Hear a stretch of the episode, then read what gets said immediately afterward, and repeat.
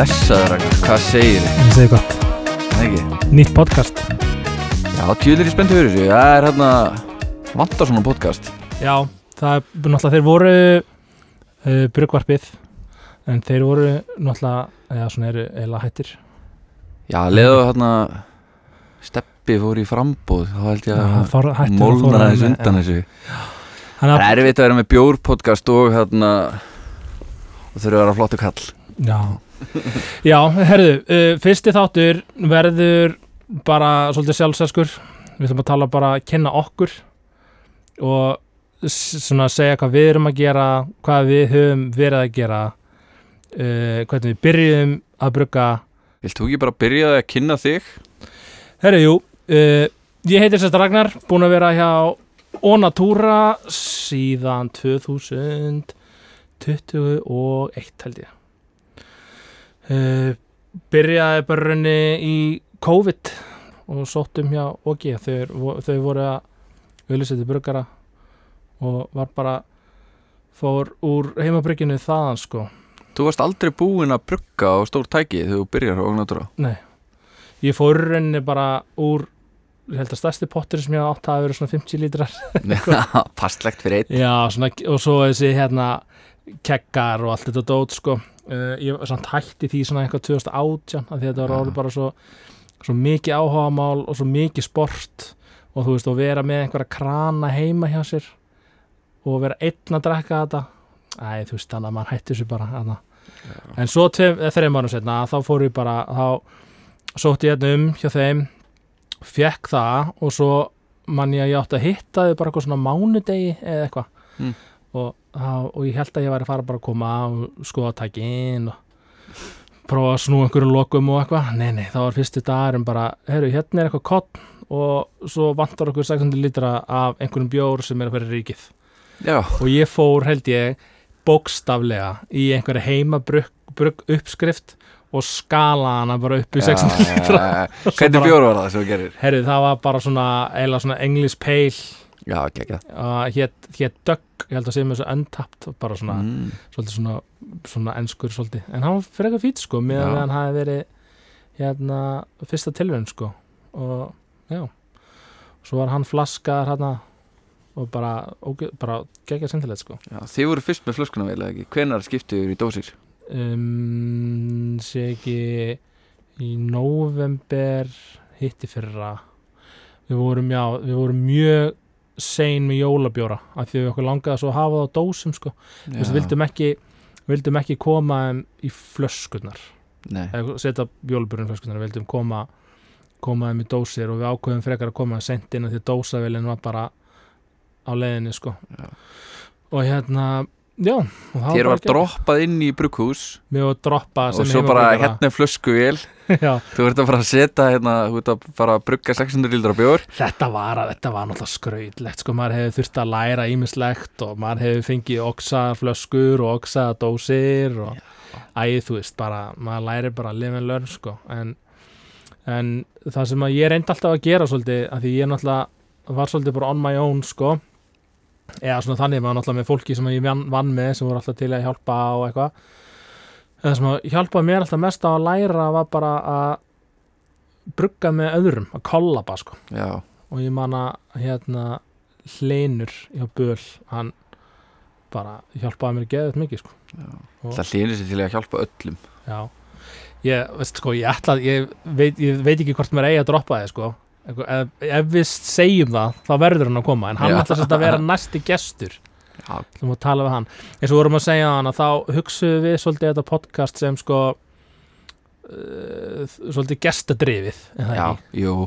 Það er, veist eins mikið okkur þykir gaman að bladra um bjór það, það, kemur með annað vinkil að vera með gest og líka bara fá einhvern veginn svo veist, hlýnur er bara þú veist hann er bara einn besti bruggara landsins. Með, búin- með eitt verðmættasta er séð vörumerki, bjórvörumerki landsins og bara búin að gera fáránlega flotta hluti. Búin að starta Gypsy brugghúsi var bruggmeistari á Borg ævintýrin hans öll úti í Belgíu og allt þetta, veist, þetta bara við verðum að fá að heyra þetta í, í podcastinu. Við erum, við erum held ég, er það ekki, við erum ekki að fara að vera hér þú fórst í ríkið og ég fór í ríkið og svo voru við hérna, hm, já, þessi er mjög góður. Nei, já, nei. nei, ég veit ekki alveg með Nei, og líka bruggvarpur eru svolítið búnir eða þeir eru svolítið kannski með það sko. Já, og svo voru þeir líka bara að drekka bjór í tvo klukkutíma og hann voru orðin svolítið þöglum heldur í lokin. Ég held að það gerist ekkert gott eftir hérna 10-12 bjór á smakk sko. Nei, þannig að við kannski verðum minnaði því þó við verum öruglega alltaf að smakka eitthvað að við vonandi með sko þeim sem að gerðu bjórin Já, það fá að vita hvað þeir gerðu af hverju bjórinn er svona góður hvað er lindamála á bakvið þannig að heimabruggarinn getur farið vonandi heim og gert klón af Já, Úlf. Já, það væri skemmtilegt. Já. En já, en þú, hvernig þú veist byrjaði þú og hvað bara hver er þú Hjalti? Já. Ég heiti Hjalti og, og ég er ég vil kalla mig bjórgerðarmann. Já. það er stundu verið að kalla mig bruggmeistara. Uh, en tæknilega sé er ég ekki bruggmeistari. Ég hef ekki lært til bruggmeistara. Nei, þannig ég kalla mig bjórgerðarmann. Og ég hérna eiginlega bara svipað að hérna ég byrjaði að sækjum hjá Borg. Já. ég var hann ógeðislega leiður í vinnunni. En ég held að hérna ég var á sjó. Byrjaði að læra kokkin og hérna þess og þaðan bara verð hérna matsveitna á tógara og ég áttaði maður því að ég var að vera þrítugur ég var búin að eyða hálfri æfinni um borð í bát. Mm, ok. Þannig að ég þurfti að vinda ofan af því. Mm. ég gæti ekki farið í að vera búin að eyða meiri hlutur um æfinni um borð í bát. Þannig ég fór svona að hérna, leita mér af ykkur í landi og var búin að vera heimabrugga og var búin að vera í alls konar bara búin að vera með áhuga bjór bara, ég var að fara í í bjórferðir Erlendis 2007 og smakka ykkur á súrbjór í Belgíu og ég er búin að vera veikur í mjög mörg ár Hmm.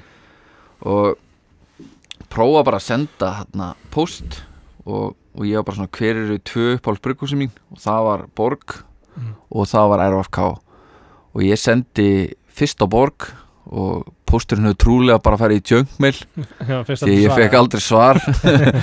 Og sendi svona 2-3 dögur setna á hérna RFK og bara ekkert löngu setna þá sé ég að þeir eru að auglýsa eftir svona viðbóti í liði sitt. RFK, já, já, tala ekkert um bruggara eða eitthvað, tala bara um svona viðbót í liðið. Já. og svo hann sendi sig ekki með post og hann spyr hvort ég vilja koma að hitta sig og ég bara tek mig frí á sjónum og fyrir að hitta hann og eitthvað og þá kemur það svona til tals að þetta sé þess að hann aðstóðar maður bruggara Mhm. eða aðstóðar maður bruggmeistara. Mm titlaði hann þetta starf. Björgerðamanns já, björgerða maður já, En já, og svo hann bara leist þeim vel á mig og, og ég var ráðan og ég þurfti að klára eitthvað uppsagnarfrest og eitthvað og þetta var líka hann bara í miðju COVID þannig að fyrstu skiptin sem ég talaði við og það var nefnt bara í gegnum Zoom og eitthvað svona dót sko. Og ég kem hann inn og þá er Valli bara bara eitt besti bruggara landsins. Mhm. þá er hann bruggmeistari hjá RFK og við vinnum saman í eitt ár cirka þá hann fær hann annað starf fer í það og segir við mig að þetta sé trúlega besti skóli sem ég geti mögulega lendi í að vera skilin eftir með þetta brugghús í höndunum bara. Allt í hennu komið ábyrð á RFK og þarna vorum við akkurat að tífalda brugghúsið. Opna nýtt bruggrými þar sem við vorum með fórum úr fjögur slíturum í á mánuði í 36.000 lítra eða 40.000 lítra á mánuði. Ok. Þannig að þetta var alveg smá svona ég fekk þetta bara í fangið sko. Og hann að já, ég er búin að vera þarna núna í tvö ár cirka já, næs og bara trúið því að ég sé ekki búin að klúra þessu allavega. Varst, varst þú okkar búin að vera heimabrugga eða? Já, ég var búin að vera heimabrygga sko. En veist, það var mitt bara með veist, na, við vorum bara að leita okkur afsökun til að hitta spræðinir brugguðum bjóður einu sinni mánu og hittumst tveim vikur setna og, og drukkum hann. Já, svo tveim vikur setna brugguðum við annan bjóður tveim vikur setna hittumst við og drukkum hann þetta var bara afsökun til að bara hittast í bílskutum og, og eiga gæðistundu með bræðurum mínum sko já.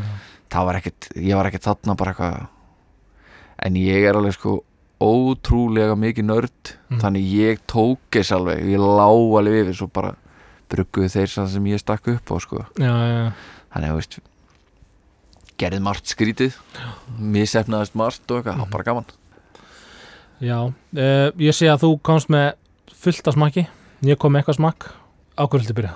Sko, Þú ert með skör hérna líka. Já, ég er með skur og þarna, ég náttúrulega er skör. bjórgerðamaður hjá RFK en líka hjá skur uh, ber ábyrða þessu. Hanna, þannig ég er með tvo skur einn sem er hana, ennþá tank ég bara stal hann smá í dós fyrir okkur. Já. og ég held að sé ekki margir svona bjórar í Íslandi þetta er að súr peistri WP já. Og þarna, hann- æ, hvað hétt hann þetta var hann ekki fyrra líka? Já, hann var í fyrra þetta undir hérna RFK merkjónum, þá hétt hann Gama þá Gama þá en þetta er svona byggt á því en er ekki eins. Mm. hann heitir ekki rölvittlisan eins í ár og er verður undir skurvörumerkinu já, hann skurpælingin er í rauninni að bjóra sem meika þannig sé ekki sens í stansleysur framleyslu þannig við getum leift okkur að gera bjór eins og þetta veist, það er nú ekkit rosalega held ég margir að drekka pastry, sour humlaða, doppelupja kannski ekki mikið magn í þessu nei, þannig að að þetta er svona þetta er svona bjóra sem eru spes og meiga vera spes. Sko það, ég veit ekki hvort þetta sé hérna svona umdelt en mér finnst bara 440 dósunar geggja svalar sko. Já, ég finnst það svo cool sko. Ég, þetta er bara langt besta stærðin fyrir, ja, fyrir minn smekk sko. Líka, öll, þarna- líka sko allan að mín björglöss eru sko 440 millilitrar. Akkurat, sérstaklega þessi hérna stóru sem er svona lúka. Ég Já, já. ekki hvað það heitir þessu margir er með. Það er svona tulipglas í rauninni bara á Já. fæti. Og þú veist, þú ert með 330 þá er, þá er þetta ekki, þá er þetta bara eitthvað svona smá í glasinu sem Mhm. er bara fáralegt sko. Þarf til einn og hálfan í glasið. Herðu, Hvað er ég að byrja? Ef við ekki bara byrja á því sem var að koma bara beint á dósanlinni Ég er með hérna eitthvað fallegt. Dósaður í dag ok, 2005 bara áðan. Já, hvað, hva, ég er búin að draga það. Já, það er bara tveir tíma síðan. Ég er búin að draga það að þarna að dósan Því að veist, mér longaði að hann væri bara alveg brakandi feskur. Og fyrir þá sem þekki ekki hennar bjór Þá er þetta trúlega Já, á að vera jólalegasti jólabjór sem er gerður á Íslandi. Og allt sem er jólalegt er sett í hann. Þannig við setjum í hann pipakökur Við setjum í hann Macintosh. Við setjum í hann mandarinur Við setjum jólakryttinunar ömmu Það er hérna kanill og negull og allt þetta. Svo setjum við heilt jólatri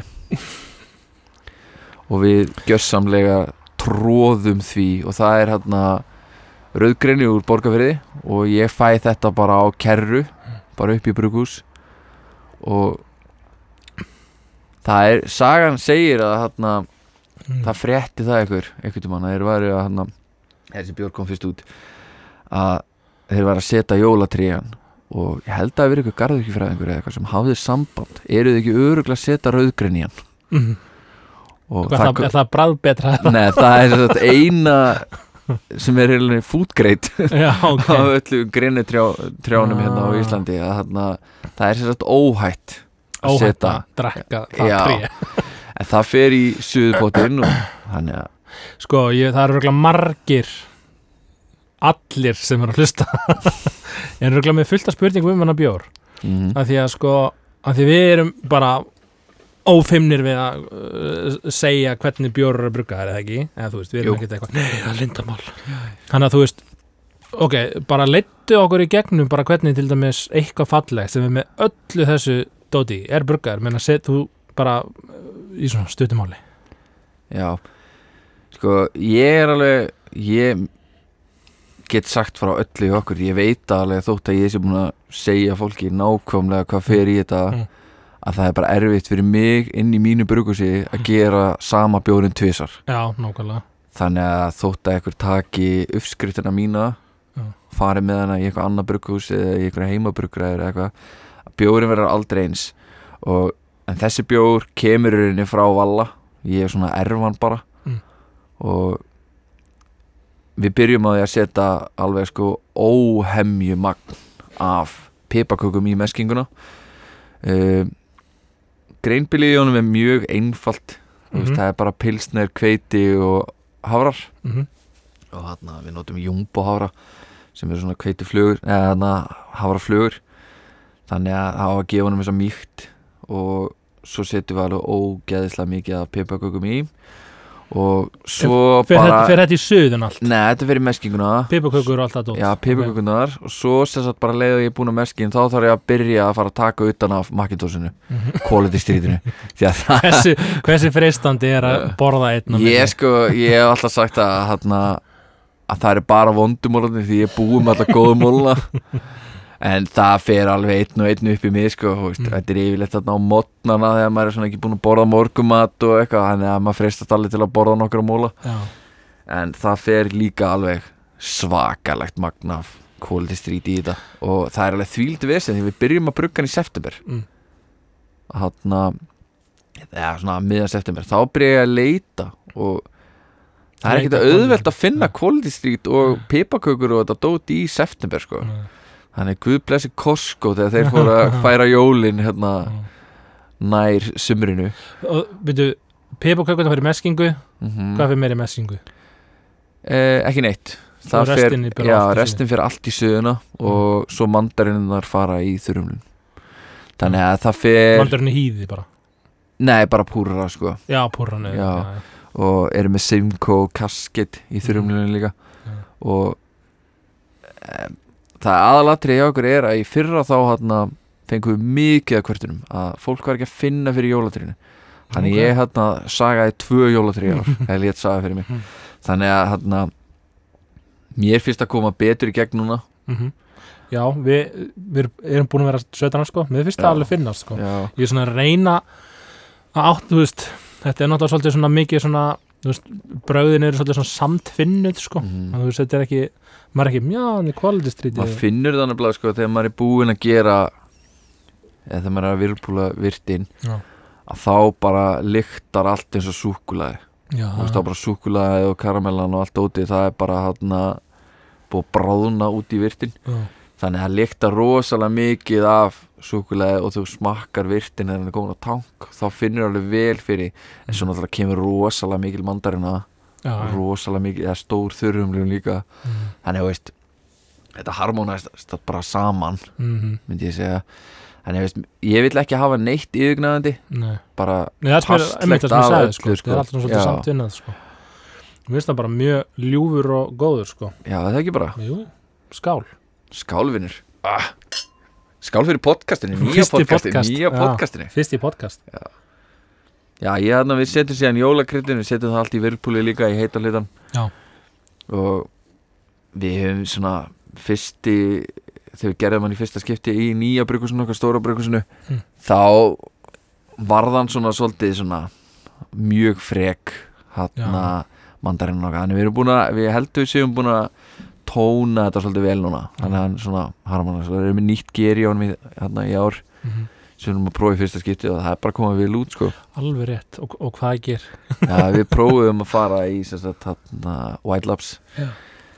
þannig að hérna, þetta er fyrsti bjórin sem er bruggaður með White Labs London og Fókgerinu Mhm. þannig að hérna, stór stund þar. Já.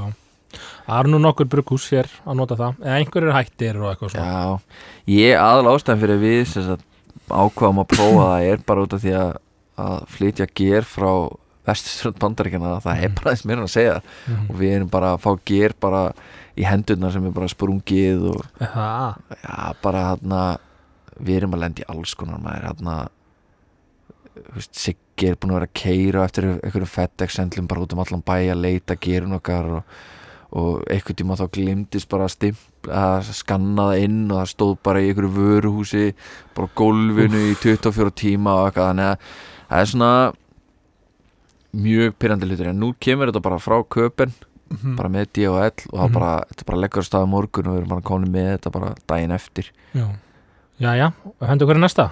Já, við eigum ekki að smakka eitthvað frá þér eða? Eh, Jú, tökum bara hérna Bring it on Herri, með lager. Byrjum á auðveldu. Já, ég til það. Þetta er bara dósaðar fyrir tjöndum eða eitthvað. Já, gekkja. Hvernig lag er þetta? Þetta er, Lagir, lagir þetta er bara lagar, lagar Er þetta hafnafyrirlaginu sem þið erum með? Og þetta er uppfæri uppskrift. Ok, Það eru hérna 30 fyrir 70 gerið. Ok. Um, Það er uh, SAS og pilsner malt, that's it Spennandi, ég er náttúrulega Við búum náttúrulega báður í hafnafyrir Þannig að þetta er bara lagirinn okkar. Ég veit það, ég er nefnilega Þú veist, ég dósan fyrir tjöndum. Og ég er alveg að fíla hvernig tær sko. Já. Hann er svona alveg rúmlega Hann er svona rúmlega kraftbjór Eða kraftbrugtær Já. Það er oft talað um þetta Hann er ekki svona, svona commercial tær. commercial tær Nei, það er svona kraftlagertær. Já. Skemmtilegt að maður finnur alltaf þegar það er 12 af 30 fyrir 70 Ég veit gerið Þú bara þekkir karakterinn í því. Svo hann skipti ég yfir í Imperial Harvest sem Mm. er teknilega séð bara sama gerin nema bara frá Imperial í blöytu Það er bara með sama karakter. Já, já. Ég bara, það er bara aðeins einhvern veginn meira finesse en Já, ég prófaði sko ég hef prófað S189 Mm. Mér fannst það aðeins svo sætt einhvern veginn held ég, minni mig. Eða það var einhvern veginn svona það var einhverju esterar. Það var einhver Já. rosa floral minni mig, ég var ekki alveg nóg clean sko. Nei, þetta er nefnilega þetta ger, gefur mjög klín Við höfum verið að nota þetta mikið sko. Og hann það er bara svo klassíst Já, þetta er rosaklassist og það er bara einhvern veginn en maður þekkir karakterinn það er það. ótrúlega fyndið að þarna bara að þú stingur nefinu ofan í glas mm. ofan í lagar, þú bara já, heyrðu, þetta er maður finnur alveg þessi 30 fyrir 70 eh, er sem er ekki slæmt, alls ekki það er sko. ekki það sem ég er að meina og hann var dósaðar, þú veist, og hann var alveg svolítið svona, ég hefði alveg geta haft hann lengur á tank, sko en bara mm. the business er við þurftum bara að drifa honum út og dósaði fyrir tveimdöfum, þannig að veist, hann áöruglegt að verða tærari, sko Já. og þú veist, en bara mér finnst ég uppaði sasin aðeins með við senast og mér finnst að koma betur út, sko. Já, kekja Ég nefnilega er með lager líka.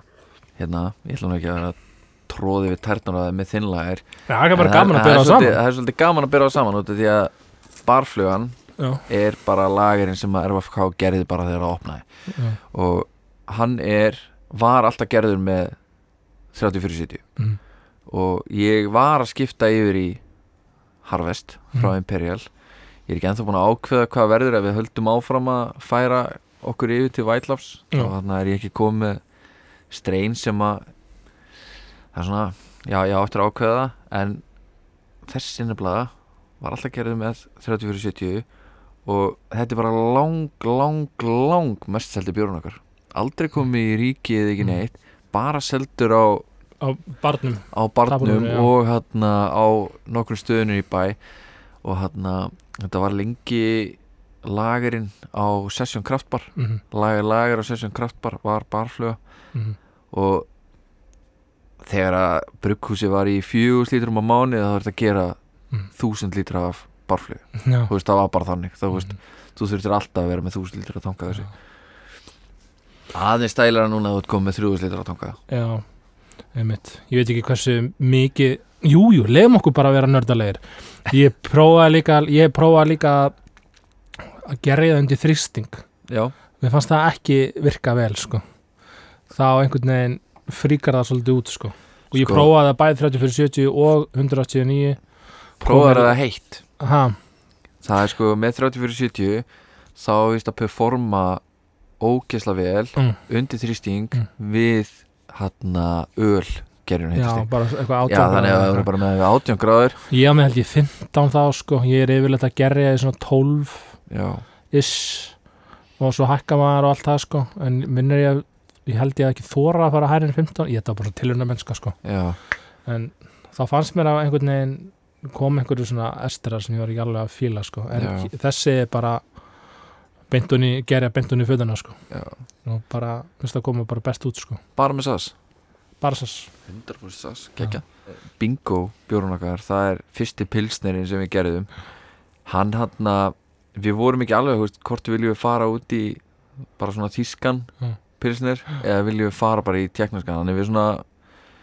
ákvaðum að bara taka svona both of eða svona best of both worlds Mhm. en við erum að leira hann alveg bara frá bara, bara first word Mm. humlar, bara Mhm. við erum að leira hann allan tímanum með við erum að sapna Mhm. og svo bara alla söðuna Mm. og við setjum alveg bara frekar mikið magna á Mhm. sað sem í hann tatningar með honum bara Já. til að fá smá svona earthy spiciness líka Já. sko Já. út af því að of mikill sas getur bara orðið frútti sko Já, og það getur líka orðið svona jarðaberja frútti getur orðið frúti og líka svolítið æ, svolítið svona eins og bíti börk bara, já, svolítið svona óþægilega beskjan. Já, svona astringency svona, ég man ekki hvað íslensku orðið er yfir það. En þú veist það, að því að hann er þú veist ógeðslega lár í alfa.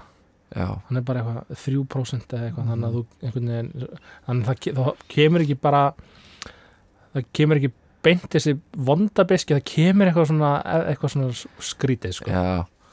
Óbalanserað. Óbalansera, já, Já. en sko ef að henda okkur bara í barfluguna eða? Já, prófum hérna bara svona sko bara svo beinu fólk viti að við erum ekki að tjögga einhverja dósir hérna Nei, við erum eru að setja svona, já, við erum sko. að setja 15 millilitri í glasi hvað eru snöggir með bjórin Ég er nefnilega hérna, það er svolítið skemmtilegt að En hún er hérna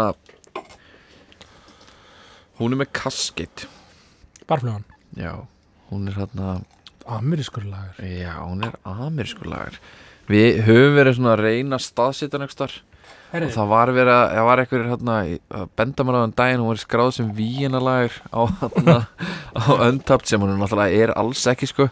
Ég held að svona bara eitthvað amerískur premium lager væri kannski út að hann er, hún er nefnilega sko 5,2% Herri, þinn er bara nákvæmlega tæru minn mm krafttær Já, en það setjum við á dósina. Við setjum sko premium kraft lager okay. þannig að þarna fólk svona veit en þú veist við vorum að setja hann á dós í fyrsta skipti núna. Ástæðan fyrir því var bara út af því að fólk bara stoppa sigga út á götu bara hvenar fer hún í dósir? barflugin dósir. Já, þannig að veist þinn er sko mjög svipaður. Mm þetta er alveg mjög svipaður þinn er kannski aðeins sætari. Eða hvað, en ég í byllinu ég get bara séð þetta í tölvunum með hvað hún enda, ég held hún að enda helvítið neðalega samt sko, já ok, hún hann að en ekki að finna út í. En hún er bara eitthvað í kringum 1,8 Plató já, minn er svipað sko. Já, já, þeir eru mjög svipaður Já, ég er held að hann hann verður ekki alveg að crispy bara með kasket. Nei, þú veist, kasketin gefur smá svona frúttines líka þú veist, það Mhm. færð þarna smá svona nýja heimslager feeling finnst mér já, á honum.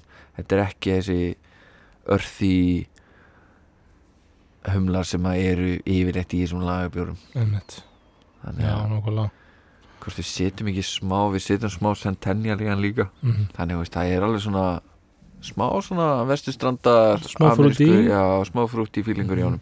Mm. svo erum við náttúrulega bara með pilsnir og mæslagur og hrísgrunalagur og okkar líka, þannig við erum með smá flóru af lagurum og ég, hérna, ég vil minna að við séum í smá svona vekkferð núna bara að gera, lagar eða gera lagra. Og þetta er bara hjá okkur er þetta bara þannig orðið þetta er bara 40% held ég af öllum bjór sem við seljum mm. já, er bara lager sko. Einmitt. Hvað hérna, og köls. Köls, já hvað kottn varstu með þessum, er bara pilsnir eða? Nei, það er smá hérna það er smá melónotin í hún líka. Já, bara hérna bara pínu lítið. Smá mjúnik mjúnik 1 þú veist, við erum að tala í það litlu magnisanda þú veist, það er ekki áhrif bara að fá hana smá svona hann að vera ekki alveg svona peil gulur heldur færa hann þetta smá svona já, þetta strá. Já, þetta er verður svona- já, já, og strá yellow. Já, strójel og dæmi sko en þú veist hvað ég er að tala um hann með veist, þetta er bara sama gerstrein, takkilega Mhm. séð. Þetta er bara þetta er mjög svipið lykt sko. mjög super lykt og veist, þú þekkir bara einhvern veginn lyktina bara af þessu gerstrinni finnst mér. Og bara, ef maður stingur nefn og hún í lager í dag og bara, já, herði 30 verið 70 já, Nákvæmlega. ég held að eriði svona að ég held að eriði meiri munur þegar við myndum skipta yfir í blauta. Mm eini munur er að við getum pizzaði bara aftur og aftur í Já, aðra bjóra þannig gerir dýrt. Þannig að það er Það gott er að geta þarna gott að geta nýta bara það aftur er og, já, mjög dýrt. Við skulum fara í næsta. Ok, hvað hérna þú horfir bara hérna yfir borðið. Ég er að reyna að horfa, það er sko, þessi hérna var ennþá tank þess vegna að fyrir að það stál bara einni dós hérna bara já, við ætlum að hitta slúan 5 ég kom ekki fyrir slúan 6 því að ég var að stela bjórum á töngum til að dósa með þeirri podcasti Sko Ég er svona að reyna að hugsa þetta bara út frá sko Hérna uh, Já Level þetta upp sko. Óra Já, tökum óra Ég sko það sem ég er ég og eftir er ég er með, ég er með peil og svo er ég með súran það er sem meikar ekki alveg sens að fara alveg strax klensa palituna þarna í það sko. eftir Já. óra ég er nefnilega þarna það er margir að tala um að brandar eins í búin með óra Nú En smakka þarna- jólabjórin óra 2003 já. Sér hann fallir á litin Það eru glæð einhverjir, einhverjir hérna áhuga samur um hestabrökun það er nefnilega svolítið fyndið að þannig að það er ofta sem að maður lendir í einhverjum aðstæðum þess að fólk spyr mann já, hvað, já, ert þú hjá Reykjavík brúin, hvað bjór eru þið með? Og maður byrjar svona eitthvað að segja já, við erum hérna með júsubjórin og hlem og slipp og eitthvað fólk, já, svo bara eitthvað, við gerum líka óra, já, eru það þið? Bönabjórin, eru þið Já. þannig að þarna, þetta er svona skrítið að hljómar þetta er þekktast í bjórun okkar. Sko, ok, nú skulum við að, að spá í þessu bönamáli já, já, já, Þið setji bönir og raukal út í þetta já. Já. í, veist í frekar miklu magni Út í suð, nei ekki út í suð út í Út í Já. sjóða þetta dæmi við förum í gegnum nokkra dósa upptakara við getum orðað það þannig þeir bara, þeir kóðna undan álægi Mm. þegar við erum að gera þetta uh, já, við tökum bönir og rauðkál og setjum í meskinguna munurinn í ár er að við heldum þess alltaf bara beint út í. Við ákvaðum í ár að við þrýfum þetta. Við sagt Mm. skólum böninar og við skólum rauðkálaðinu við tökum síruna sem fylgir rauðkálinu Það er í einhverju svona etiki, já. já, tökum þetta við skólum rauðkáli og Mm. munurinn er núna gríðarlegur. Okay. þannig að veist, það er alveg þannig að þú finnur það þannig að þeir sem að, og, veist, og það er fullt af fólki sem er bara búið að koma til okkur það, það var alveg hugmynd hvort við ættum að taka það bara úr. Úr, þa úr þessu? Já, þú veist, hvort við ættum bara að halda fram að selja hann. Gimmickið er í rauninni þannig sé búið. Bara, bara eins og middildökkur já, núna er þetta bara, þú veist, já, það vorum við svona, eigum við ekki bara að búa til bara svona einhvern amber lager? Ko, þú veist, við erum komni með smá sérstöðu og það Mhm. er bara fullt af fólki að býða eftir órabjörnum mm. þannig að þarna, vildum ekki taka alveg úr og það, það er alveg fólk að núti sem bara vill hafa þetta í og vill finna bræða af þessu og finnst þetta passa bara vel með mat og, þetta er alveg bræð mikill bjór Mhm. sem að passa alveg vel bara með flestum jólamat sko Sko, nú er ég að lykta þessu Það er alveg rauðkál bönir já. lykta þessu, sko Þú veist, það er líka alveg bara hellingsmagn en þetta er miklu, miklu, miklu, miklu, miklu minni lykt heldur en bara að vera búin að taka í rauninni burtu baunasaðan eins skrítið að það hljómar. Og skóla rauðkálið þetta bara, veist munurinn er gríðalegur við finnum það bara strax Mhm. bara í fyrstu dósin vorum við bara við náttúrulega hefðum aldrei hátt að setja síðustu tvö árin að safa og þetta etik og þetta dót með því að veist, þetta hann eldist illa líka í. Já, það. Að veist, hann bara eftir þrjár, fjóra vikur þá bara lyktar hann eða svo prump sko.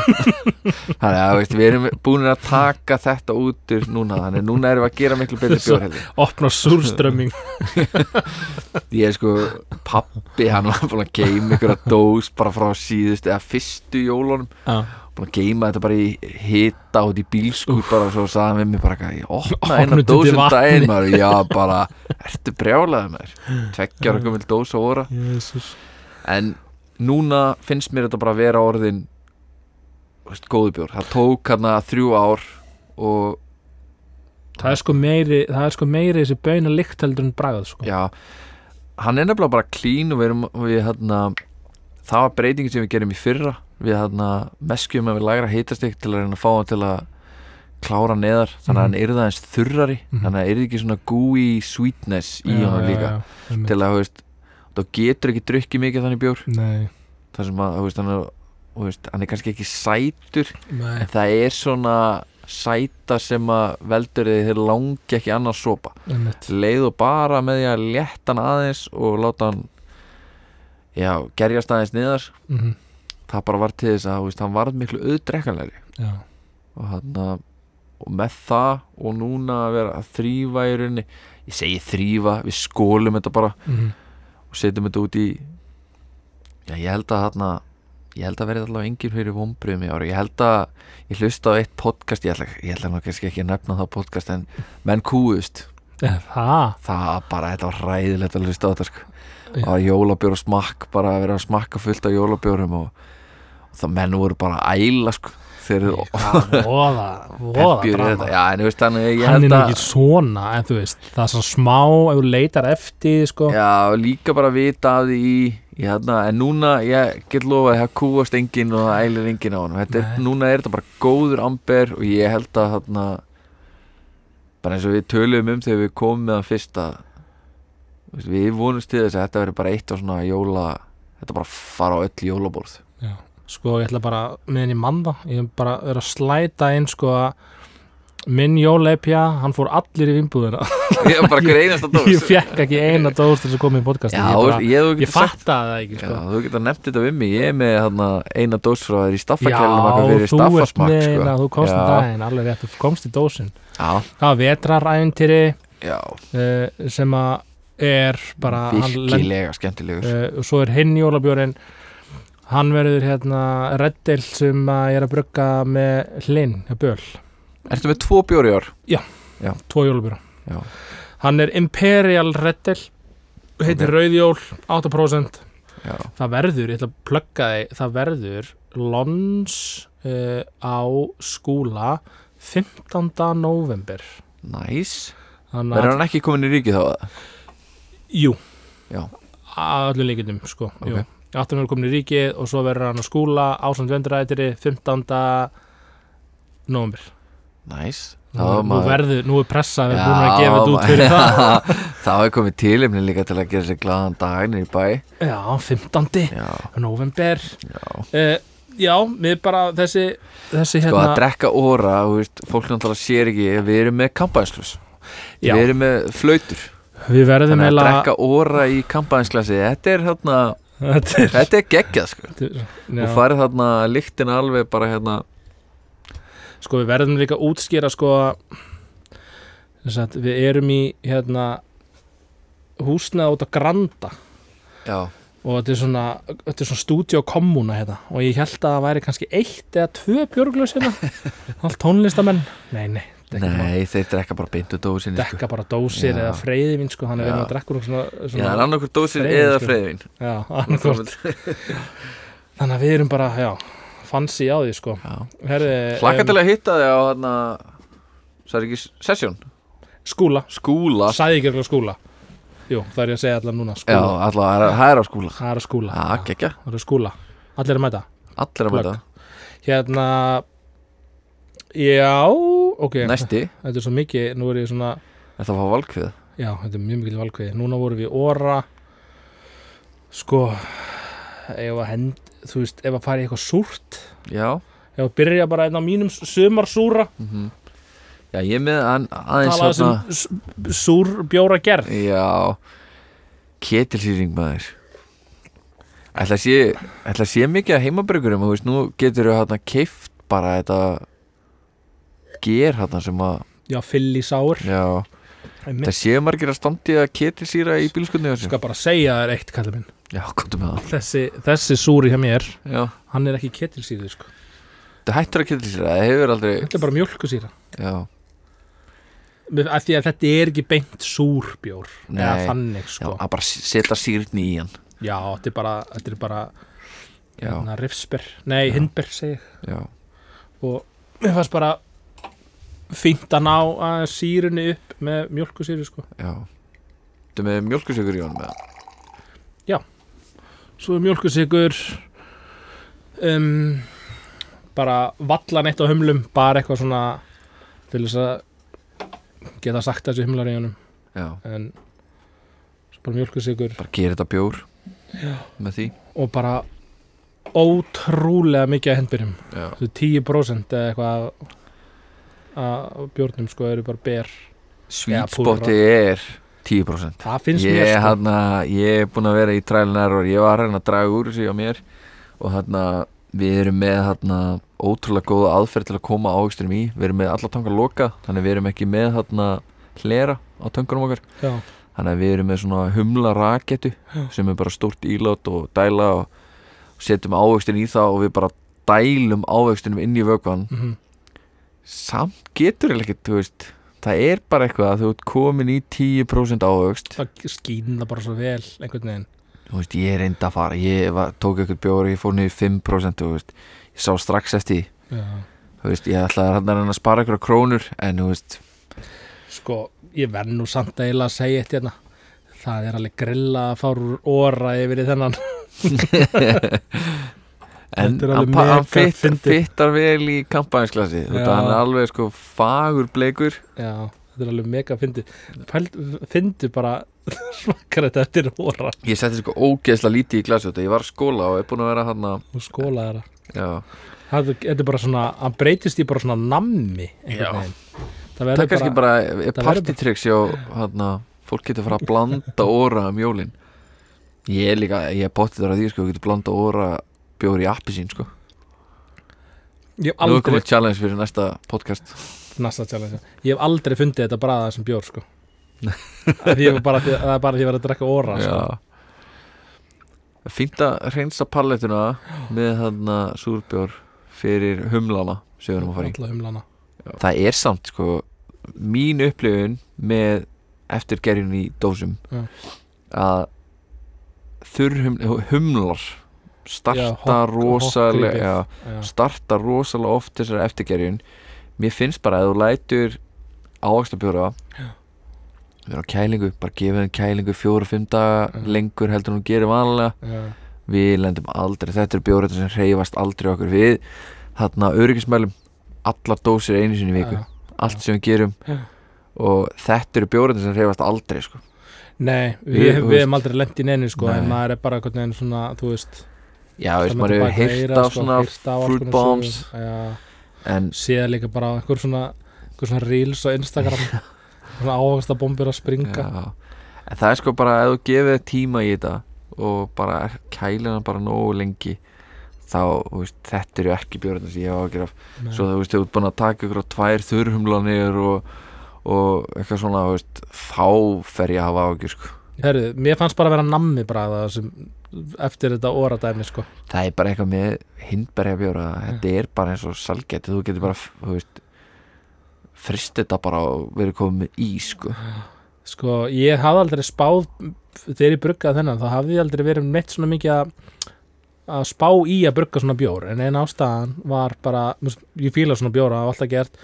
Ég bara er að kona mín hún drekk fíla bara svona bjóra þú fíla náttúrulega svona stel, stelli við frostmark og eitthvað. En það er eitthvað svona sem er meira eitthvað fúti þá fílar hún eitthvað frúti þú hættir að setja þetta á ból. Þannig að þá, þá er hún í einhverju svona súrbjórum og svona hel, ég held að Helga hafi öruglega verið inspiration eða eitthvað svona gera svona hindberja svona, svona bjór sko og Ég held sko Helga. Þú veist, ef þú tækir núna bara Nú, nú þyrfti ég að vera með hérna Byrgja vefin hjá átíðaferð fyrir frá mig. Já. Ég ætla bara að hendur svo fram Ég held að Helga sé svona 95% af súrbjórsölu á Íslandi. Þetta er sko, hún er með tví líka sérstöðu. Já. Það er bara, þeir hittu bara á eitthvað sweet spot. Já, hann er sko Helga er mjög góð bjór. Já. mér finnst það sko. Hann bara gengur í alla, hann gengur í konunnar já, Bjórnördana, Já. þú veist, hann bara einhvern veginn Hann tikkar í svona mörg box. Já. Hann er bara mjög, fers, eða mjög svona ferskur sko. Svo líka bara, við vorum fyrst með hann í gleri fórum svo með hann í dós og þá alveg bara rétt. Heyriði áfram, gakk? Áfranga voru við ekki einhver súrbjóra missjoni hérna? Jú, um, við þurfum nú ekki að smakka þetta allt sko. Við líka tekið bara sopa sko. Já, þetta er svolítið mikið, Já, hvað er þetta? að telja þessu dósir? við getum bara átt eitthvað fyrir hlýn þegar hann kemur í upptökur. 14 dósir. Ég var til í að, þú veist, við erum á súru Förum í hérna nýja skur súrbjórin Se, segðu, segðu nú aðeins frá skur Já, það eru þið. Það er við. Og það, þú bruggar fyrir skur og fyrir Já. Reykjavík. Eða þú og, og fleiri. Skur Artisan er í rauninni bara segir sér smá svona í nafninu þetta á að vera svona skur ofar. Uh, þarna Þetta er svona bjóra sem að one-off meika ekki meira. alveg sens kannski, kannski ekki one-off þetta er svona meira að þarna, dýr í framlegslu já, veist, já, eiginlega. Við hjá Reykjavík Brewing viljum, erum veist, þótt að fólki finnist við áttur að gera ótrúlega mikið og skemmtilega hluti og mér finnst við að gera fullt af skemmtilega hlutum mm. en þá erum við líka alveg smá svona hann við setjum ekki bjóra út undir RFK-merkjum nema að sé alveg úthugsaðir og fitt inn í flóruna. Þannig að við erum ekki að dæla út fjórum IPA bjórum. Nei, Þú veist, við erum bara með session IPA við erum með IPA og þú veist, doppel IPA og við erum með eitt súra með og veist, þannig að það þarf alltaf fitt inn í í rauninni úrvalið okkar. Mhm. þetta er svona okkar leið til að gera mitt svona klikkaða bjóra stóra bjóra líka veist, í og- stórum dósum. Já, stórum dósum og líka bara háir í áfengi mm þú veist fyrstu tveir bjórarnir sem við gerðum voru báðir súrbjórar og þeir voru með svo styrlið, það var ekki 10% ávöxtur. Það var bara 30-40% ávöxtur sem að meikar ekkert sens í framleiðslu hjá RFK Nei, ekki En það- svona fjölda Nei, svona það alveg fjölda ge- framleitt en ekki að lappa Já, eða svona, þetta þú gerir þetta í mjög litlu takmörkuðu magni Já. og erum að gera stóra doppelið pjabjóra og veist, bjórarnir sem við erum með núna í jólarössinu Mm.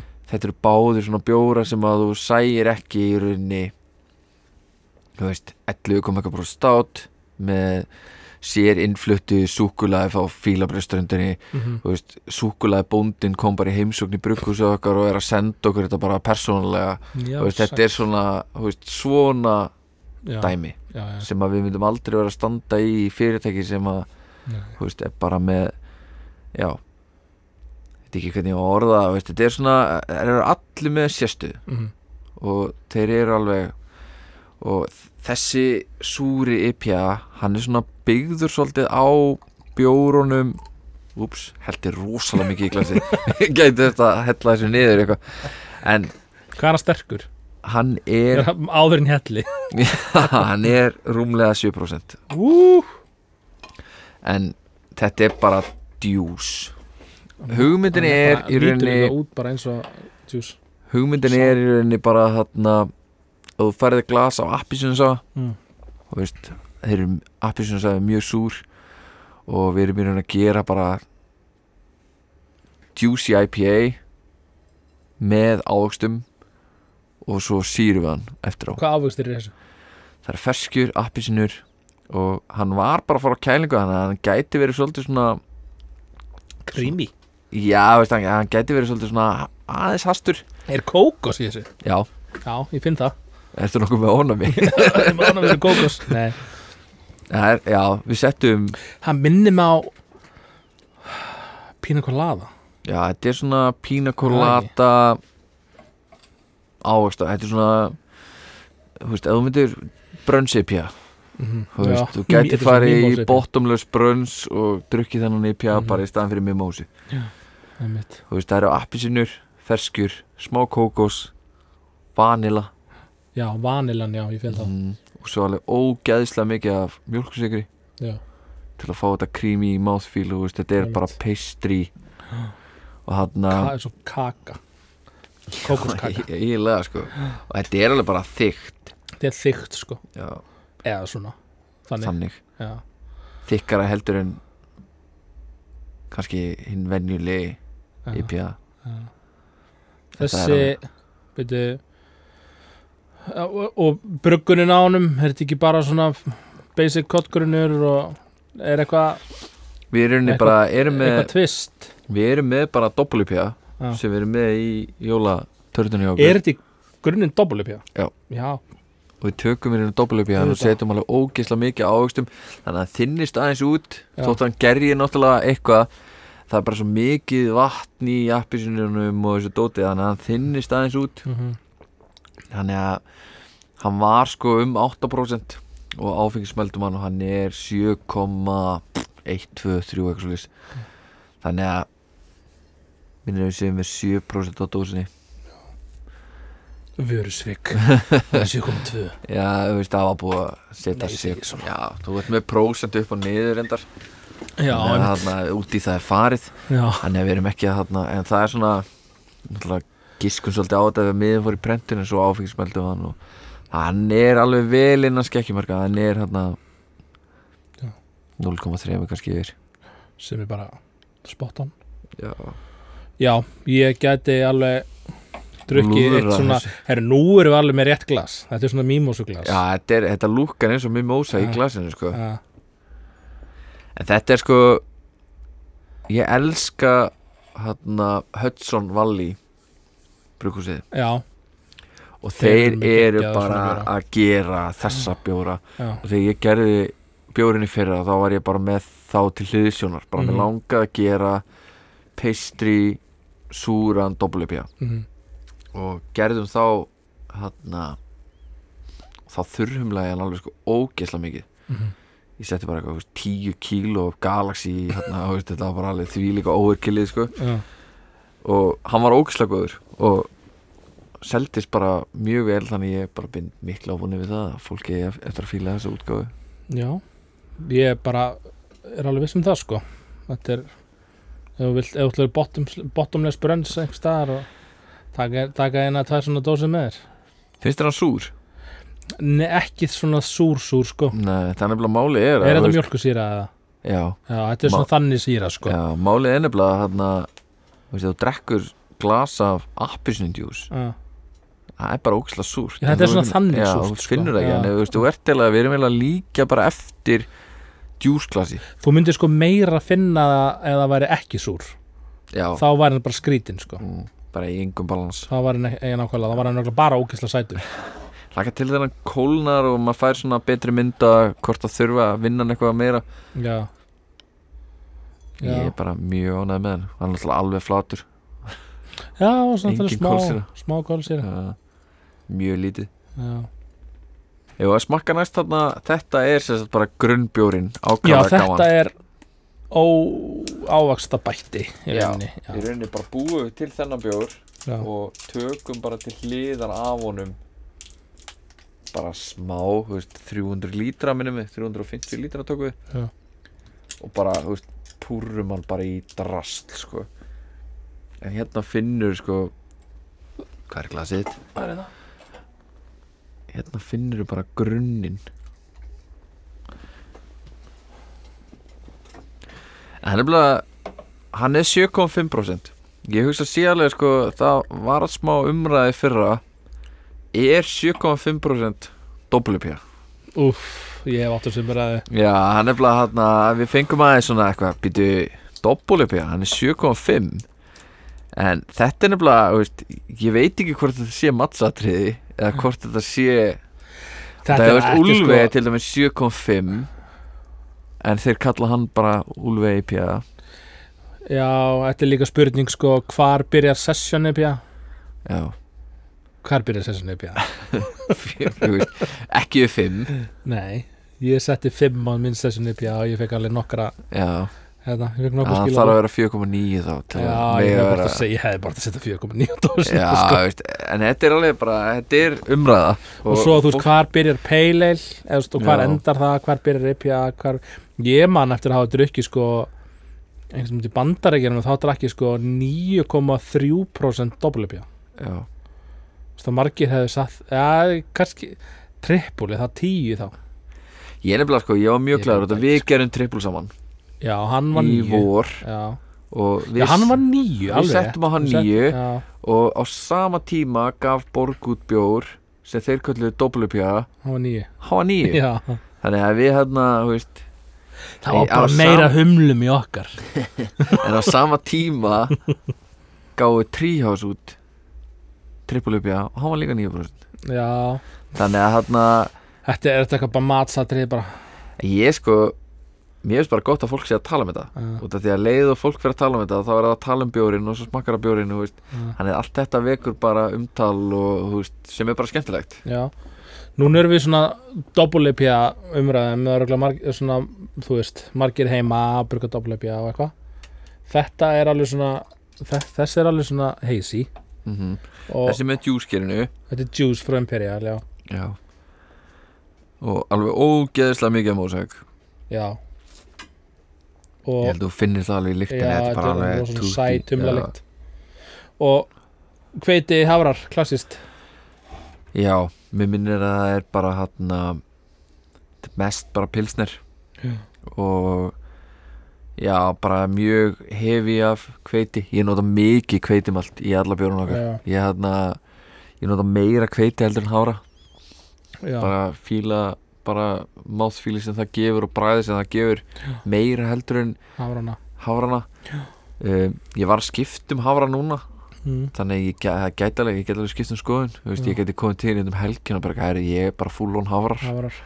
En hann að ég skipti bara máli hvað ert með þú ert náttúrulega búin að heyra mína hafrasögu Já. þetta farið hérna aftur og aftur. Golden and Oats Já, ég skipti yfir í eða skipti, þetta, sko Golden Naked Oats er bara, geitin í höfrum. Þetta er bara rugl. Og svo er þetta ekki hafrar. Nei, nei. Þetta er já. ég komst að því eftir á. En það var bara gegja ég veit ekki hvort ég hefði eitthvað breytt einhverju sko en ég bara, já, já, það er bara gegja Golden Naked Oats. Setti bara jafn mikið og ég sett vanlega höfrum sko. Svo var ég eitthvað heldur hann dökkur? Ekki samt svona brún nei, nei. Bara heldur hann dökkur? Hann, hann, hann er ekki, eins órans og ég eitthvað, býttu fóru eitthvað fóru Google, Golden. Naked Oats bara is kristalmalt. Ég Já, bara, shit. Use eitthvað eitthvað use eitthvað only up to 10% og ég fór ekki að reikna og var eitthvað í 10% þannig. já, en svo var hann bara geggjaður og hann var einmitt og það er, og það er vetraræn til Já. núna í ár. Og hann va var bara svona appisnugulur hann var svona, hann var ekki brún hann var bara svona appisnugulur sem er geggjaða litur sko. Svo við tölum aftur um hlýn ég hann er bara hann hlynur og eða böl ekki bara hlynur, böl og Axel, Malbygg brugguði saman hann bjór í Gloppa? Já, já, já, gloppa. Örugglega- já, já, og ég sendi honum bara. Held ég. Oat cream, það var svona Já. over half bjór. Ég sendi honum bara býtu hvernig í fjandanum fjækstu þennan lit? Og það var bara eitt svar, það var bara Golden Egg Oats já, en það var bara, veist, hann var bara svona bright órans ég veit það sem að hann, þú horfir bara ferðin á Instagram reikningana hjá þessum trendi brugghúsum, Mm. þeir eru allir með hennan þvílíkt djúpa appisnefnilega Já. lit nefnitt sem er bara ógæslega erfitt að ná. Já, ég er bara búin að vera að lendi því veist, að þú ferður langt einmitt, þá verður hann bara astnalegur á litin, Ég verður veit of dökkur og eitthvað. Þannig að hann En- Golden Egg Oats fyrir alla sem að vilja gera Orange Boy já, allir þurfi ekki að flytja þetta inn sjálfur ég meina ekki keli að selja þetta held ég þurfum við ekki bara að fá Kela í podcastið og fara yfir með honum hvað við viljum fá í hans og allir að senda inn já Við getum, Hérna, hana, nú, okkur. við getum stafna eða veist, hana, starta líka bara einhverju Instagram síðu og bara sett inn post það og, væri enda geggja að taka Já. einhvern neitt þátt þar sem að við bara sörum spurningum ég, sko, ég tel mig ekki það kláran að ég geti svarað öllu sko. Nei, en við, gaman, við kannski verðum með einhvern líka með okkur.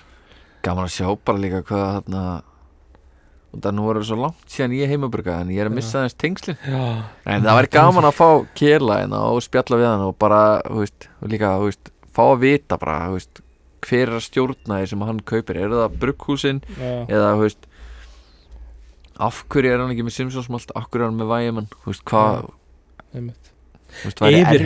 Já. af hverju keli ert veist, þú bara fá, fá það frá honum bara, veist, af hverju ertu ekki með Simpsons? Það var líka bara gaman að heyra í honum bara hans já, hann er búin að vera helviti lengi í sko.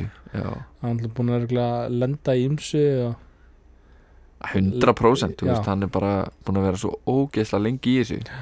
Ég meina ég var að koma inn í hans búð þarna 2000 og hvað var að 14 eða eitthvað? Og var maður að kaupa einhvern byrjanda pakka já, með einhverju, einhverju leiðbenningum sem maður prentaði út og hvernig maður átti bara frá aðtilu gera bjór sko.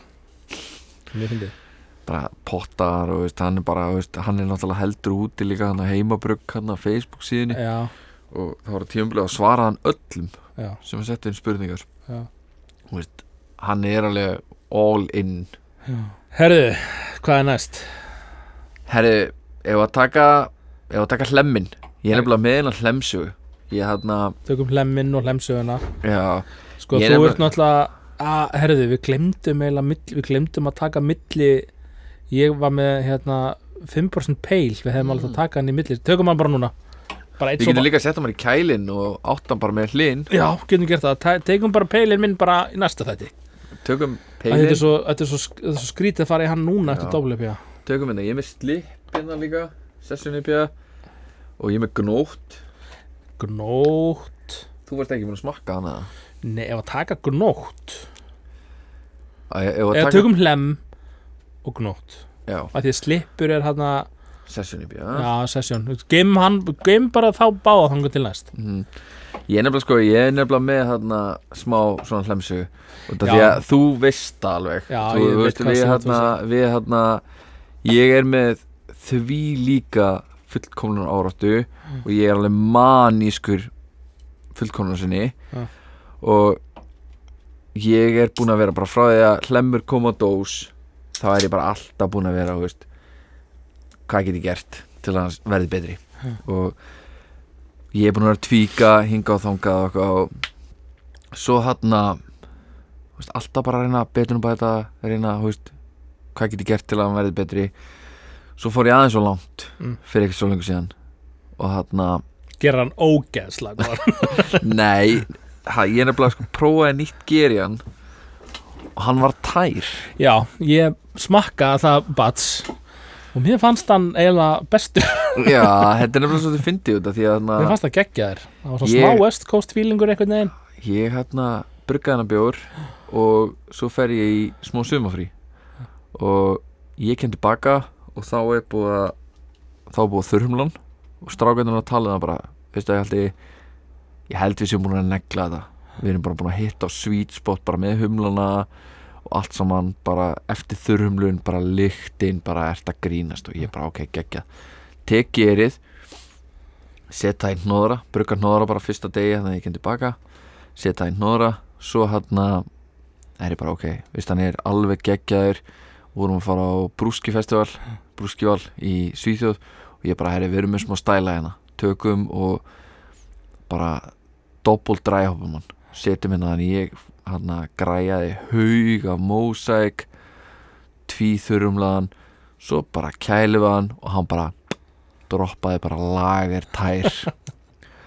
Og ég bara stend þarna með á tanki eða? Já, Já. ég stend þarna bara og er með 1500 lítra. Af tærum IPA Já.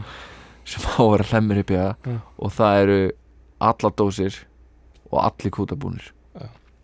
og ég fer á fund og ég hérna smakka hann, hann var, þú veist, þú smakka hann líka hann var ógeðslega góður og hann bara mjög næs mjög næs og bara smakkaðist eins og hlemmur en það er bara einhvern veginn að að drekka núna þegar það er búið að mat og gráði því þykkari og því meira skí í honum og eitthvað því betri eru IPA bjórar í dag mm.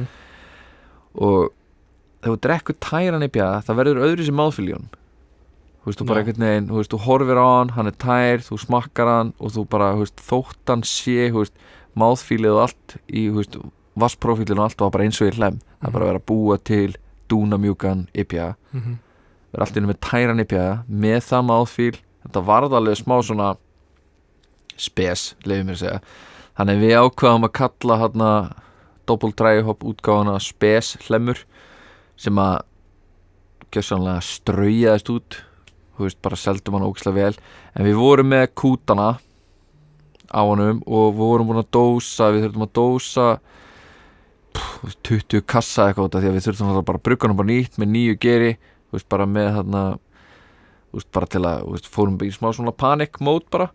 Og ég fer á fund með Sigga eiganda og ég segi hann bara, herri, þú veist það bara komið bandamál, við erum hérna með 1500 lítra af tærum hlem og hann smakkar hann og hann bara, herri, hann er bara mjög góður og veist, og ég sting upp að því að gera bjór sem við höfum gert einu sinni eða klikkar eitthvað og gerðum við IPA sem heitir Hipsum Hops Mm. sem er í rauninni bara breytilegur IPA að ef við eigum ekki humlana og Mhm. við höfum gert hlem sem Hipsum Hops það sem bara var ekki til humlaðar í hann Mhm. þá þurftum við að nota bara aðra humla og köllum hann Hipsum Hops og seldum svo bara þeir sem er að kaupa á okkur hlem þann bjór en þeir náttúrulega voru þá að kaupa bara á okkur kannski 14 kúta Mhm. í litla brukusinu Já. þarna voru allt í hennu bara lendir í að vera í stóra brukusinu með bara ógeðslega mikið magnakútum Mhm.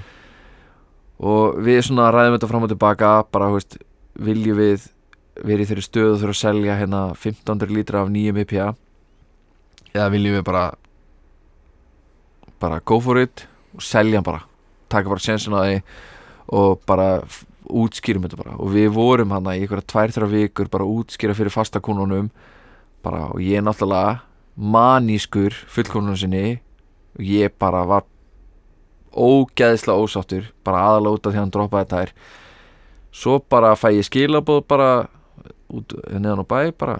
Var að koma nýtt bats af hlem og ég bara já og ég byrjaði að skrifa bara þetta er allt umulögt bara hann er tær hvað, veist, bara glatað. Og þá bara hann er hæst reytaði IPA á landinu núna á öndamt ég bara ok, fyrir að kíkja á þetta. Þá var bara túristarnir, amerikanarnir sem var að koma í tappur með okkur Loksins þeir bara elsku þetta. Bara tær IPA svo ég er bara svona ok og svo bara mjötlu við þessu út og hann bara seldist ókisla rætt því að bara fólk var að fíla hann alveg í botn. En ég, þú veist, sendi þér síðan og varaði við bara, Já. kíkt undir dósirnar því að veist, nýja batsið er hérna heisi gamla batsið hérna þreim vikum áður það er tært. En svo hérna fæ ég að vinnu minn sem kemur tíminn og hann kemur tíminn og hann bara segir við mig bara herri, ég var út að borða með hjónum í gær. Og þarna, þau eru fastakunnur á taparumni í okkur og þarna hann sagði bara blákalt við mig Hjalti búin að eyðilega hlemmin Nei. Ó, og ég bara, þetta er bara það versta sem ég hef heyrt á eyðileggja Hjalti búin að hlemmin. eyðilega hlemmin og ég var bara, Jesus. Þannig ég hérna ég fann hann á Facebook hennar mann og ég sendi honum bara lengstu ræðu, bara mína hlið bara ég útskýri fyrir honum bara í smáatrið, allt sem að gerist Afsökunarbref Já, ég bara, veist, og þetta var sko ég, þetta hefði getið verið pistill bara í fréttablaðinu eða eitthvað, veist, þetta var bara ég fór bara yfir allt og ég bara útskýri fyrir honum bara, allt sem ég geri Já. alla breytingar sem ég geri úr þetta ég er að búa til besta í bjálandur Já. og bara að heyra það að ég sé búin að eyðilega hlemmin þetta var bara rýtingur í hjartað. skilabæð sem ég fekk tilbaka var Ok engar áhyggjur ég elska ennþá hlemmin Mm. og ég mun halda áfram að koma besta tapprúmi í bænum og ég var bara Úf. hjú Sko, nú er ég svo ógeðslega spenntur Hvor lemmurinn er þetta? hinn seldist upp en þetta er þetta er batsi sem kom síðan eftir batsinu eftir tærabatsi Er þetta panikbatsi? nei, batsið eftir það og Ok ég er búinn að fá að heyra það að þetta sé síðan besti hlemmi sem gerður hefur verið. Þannig að þú, það eru lægðir og það eru hæðir. Það er bara held ég vægt til orða tekið þetta er hérna að fór úr því að vera versti hlemmurinn og búinn að eyðilegja hann yfir það að fólk er bara gjössanlega en þessi er samt orðin alveg þetta að hann er orðin alveg veist, eins og hálsmánuð eða Svo eitthvað. dimmt hérna, ég get ekki lesið þetta. Það? Er, að sjá 24. 08 já, þetta er hann í ágúst. Lók ágúst. Já.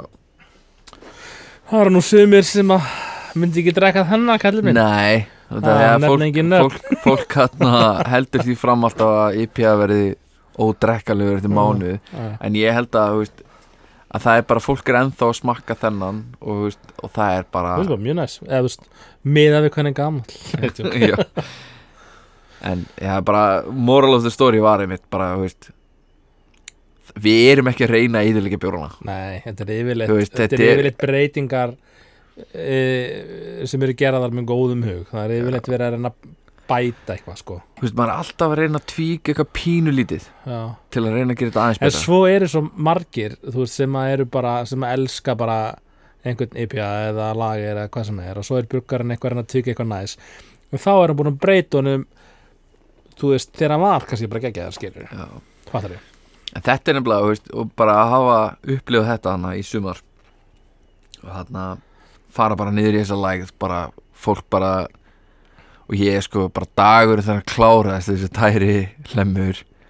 Þú veist, ég bara hefði getað sprengt flugvildasýningu, ég var svo glaður sko. Já. og bara fara síðan upp og svo bara fólk bara elska hann og bara besti hlemmi sem við gerður og eitthvað. Að fara þessa hægðir, eða hæðir og lægðir að þetta fær mig til að bera ennþá meiri virðingu fyrir Úlfey að því hann er alltaf eins eða? Hann er alltaf eins. Já. og ég bara, þú veist þetta bara, þú veist, fólk er ofta að spyrja mig bara hvað er upp á spjóriðin og ég er alltaf bara Úlfey. Ég hef verið að vikin, ég það langt smakka úlfi sko. Ég, bara að ná að halda Þeir eru búin að taka- já. ég það er bara besta breyting bara, veist, þetta var óg, hann var ógeðslega góður talandi um góða borg IPA steðja kveðjan var örglaður þyrftum Ég við að fá hann átna hérna inn líka. Já, við við hellum hann blindfullan og við fáum öll lindamónul en þú veist það bara að þú getur farið bara inn í vínbúð á reyðafriði Mm. og keftir úlvei Mm. og hún er bara brakandi fersk og hún er alveg eins og í skútuvegi Já, þetta er ótrúlegt og, þú veist, að vera, veist, og við vitum þannig bara, veist, og fólk er farið að veist, tala um þetta að IPA er bara góðu fyrsta mánuðin mm. að þú getur keftir úlvei bara út um allt land ég held að það sé í öllum vínbúðum á landinu Mm. ég bara skil ekki hvernig það geta þetta sko, Það væri Já. gaman að fá að heyra hvað Átni hefur þetta að segja. Já það var gaman að fá hann hérna sko. Við, Við erum að droppa nöfnum núna hérna. Svo, svo, svo vandrarlegt að kemur enginn af þeim. Komnu hérna tíu þættir og væri- komin Það var ekkert vandrarlegt nei við hérna bara eins og ég segi, við viljum fá alla sem að vilja koma. Tala um bjór, vera með. Viltu vita eitthvað um hlemmin eða? já, bara þú veist þetta er mikið kveiti Mikið kveiti smá hafrar, pilsner þetta er juice eða? Já, Juice og svo er þetta 7 og Já, Og hann geggjað. að minni sko að það er 60% pilsner. Já.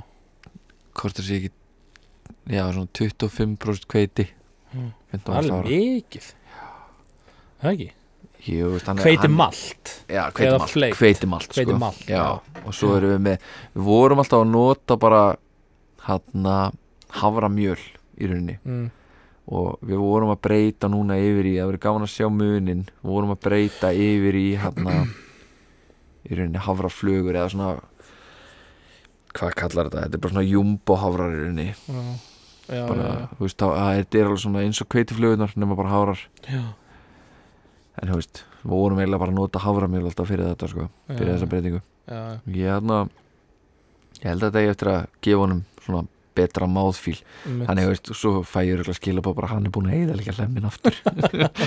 Það skiptum havra já, já, nákvæmlega. Þú veist hversu djúpt vill maður fara? Þú veist, vassviðbætur er það ekki bara, eða þú veist Já. við erum óhrættir að fara í nördaskapin sko. Það væri gaman að fara í það með öðrum brugurum út af því að hérna, ég er nefnilega sko út af því að ég var alveg til að hérna, vita vassviðbætunar hjá í úlfi, Já, í Úlfi. Svo líka bara svona svo síru sírustig, getum Já. farið það með öðrum brugurum mm, það hefur náttúrulega klikkuð áhrif á allt svona sko. Já, við getum, við getum talað einnig allt kvöldum vassviðbætur og sírustig í, í svona bjórum sko. En þessi þáttur er náttúrulega bara svona við eitthvað að babla. Já. Svo vonandi þetta getur og láta okkur dreymum viðmælendur. Já, láta okkur dreym við meðlendur Við sko, það er bara mjög stutt síðan ef maður fyrir svona úr einu hana hvað, þegar við vorum að plana þetta podcast sko. Við, höfð, við höfum oft talað um það bara, það var gaman að vera með eitthvað svona podcast og, það er og bara því ég er með gat. eitthvað það er bara Já. gat hérna þú veist, ég hlusta á mjög mikið af podcastum og það er bara ekkert íslenskt þú veist, að- hversu sorglegt að ég, þú veist, ekki það ég sé að lasta í rauninni Stefán Pálsson og Hörskuld en hann það er smá svona, ég bara beið eftir því að þeir gæfu út þátt þar sem þeir sátu saman bara að spjalla og drukku sex bjóra. Já, þú veist, þetta var ekki dýbra en það. Nei, svo farið í einhverjar ATFR skýslur og svona. Já.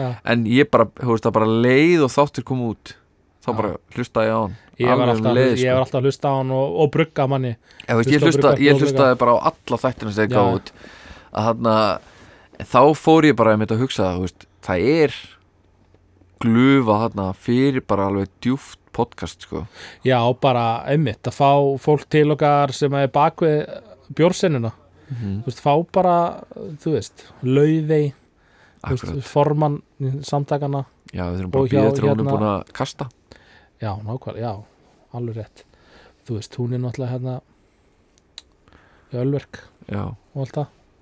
Uh, Já, bara fá bara alla sem vilja koma og tala um bjór sko. Líka bara gaman eins og að fá hérna, þú veist, laufey fá svenna, þú veist harkið í rauninni út að, þú veist, þetta er ekkert alltaf þetta er bara hark. Já. Herru, ég segi að við tökum svona tvo í viðbót. Ok, og við erum með gnótt. Við erum með gnótt og við erum með hérna svo státin frá hérna, Já, svo verðum við að enda, enda, á, enda á bombunni sko, það er ekki Mm. bara? Ég held að taka gnóttina, þú ert náttúrulega yfirlýstur West Coast aðdáðandi Ég elska það sko, sko, það er það er, ég held að það sé bara uppáhald stíli minn sko. Það er líka, ég er með skemmtilega gnóttsögu líka. Þessi bjór nefnilega, hann er búin að vega mikið umtal. Af því að hann er ekki heisi eða Nei, það, veist, það, það er ekkert rosalega mikið af West Coast bjórum og þarna, en það er nefnilega það var ótrúlega fyndið að ég veit ekki hvernig en það mynduðist eitthvað svona bubblegum esterar. Ó, yes, ég elska það. Nei, þarna, já, en það voru svo margir sem tengdu það við belgiskan Já, og það var bara eitt sem að hann frontaði með hann bara ég vil og breyti leipulinu og breytir því bara úr West Coast yfir í Belgian IPA þetta er ekki Coast. vá. en eins og, veist, mér finnst bara svo gaman að fólk sé með svona sterkar skoðanir á Mhm. bjórnum og ég ég finn það alveg, veist, þessi bjór sló í gegn, þetta er bara, ég held að þetta sé einu af síðustu dósunum sem eru til á honum. Og hann að hann bara rók mókaðist út, þannig að ég er alveg pottitur á því að það er markaði fyrir góða vestkosta West Coast er alltaf inn held ég sko. Það, kom, það er náttúrulega bara heisi í æði og ég elska það líka sko. Mér finnst ógeðslega gaman að brugga svona þykka heisi bjóra sko. Það er mjög gaman og ég geri það af fullum kratti sko. Þetta er bara svo það gott svo, það er bara líka svo sko. gaman að fólk hafi svona sterkar skoðanir á þessu og veist, að sé fólk bara koma til þín bara eitthvað herri, veist en það er nefnilega líka að fyndið með fullkomnar áriðuna hjá mér. Við gerðum hann að bjór, hann seldist upp og við vorum svona eitthvað hann var að vera að pæli bara, veist ef við ekki gera hann aftur? Og ég bara, ef við gerum hann aftur þá er ég að fara að breyta fimm hlutum. Já. ég var strax komið bara fimm hluti sem ég var bara, við getum gert þetta betur hann er, hann er pínu dökkur sko Ég held að það sé nú bara rýmið. Hann er alveg Hann er alveg sko appisnugulur inn inni, sko. dökk appisnugulur. Já ok. Og ég fekk að heyra það bara hana, strax bara, herrið hann er oxaður. Ég bara, nei hann á að vera appisnugulur. En það er sko það eru bara old school humlar í honum. Mm. og við erum með hana, Barbarian, Conan gerið uppáhaldskerið mitt. í honum Haust, það er eitt af því sem, sem ég ætla að breyta bara strax næst. Það þarf að taka það út. Já, það er nefnilega sko það er ótrúlega alkymist veist, það er ótrúlega sterkur karakter já það er, það er mikill karakter sko. já, þannig veist, ég vil eiginlega bara fá það út og clean gerjun bara og bara, 0,5 bara. já, bara þess vegna. Og bara humlandir fái bara aðeins meira.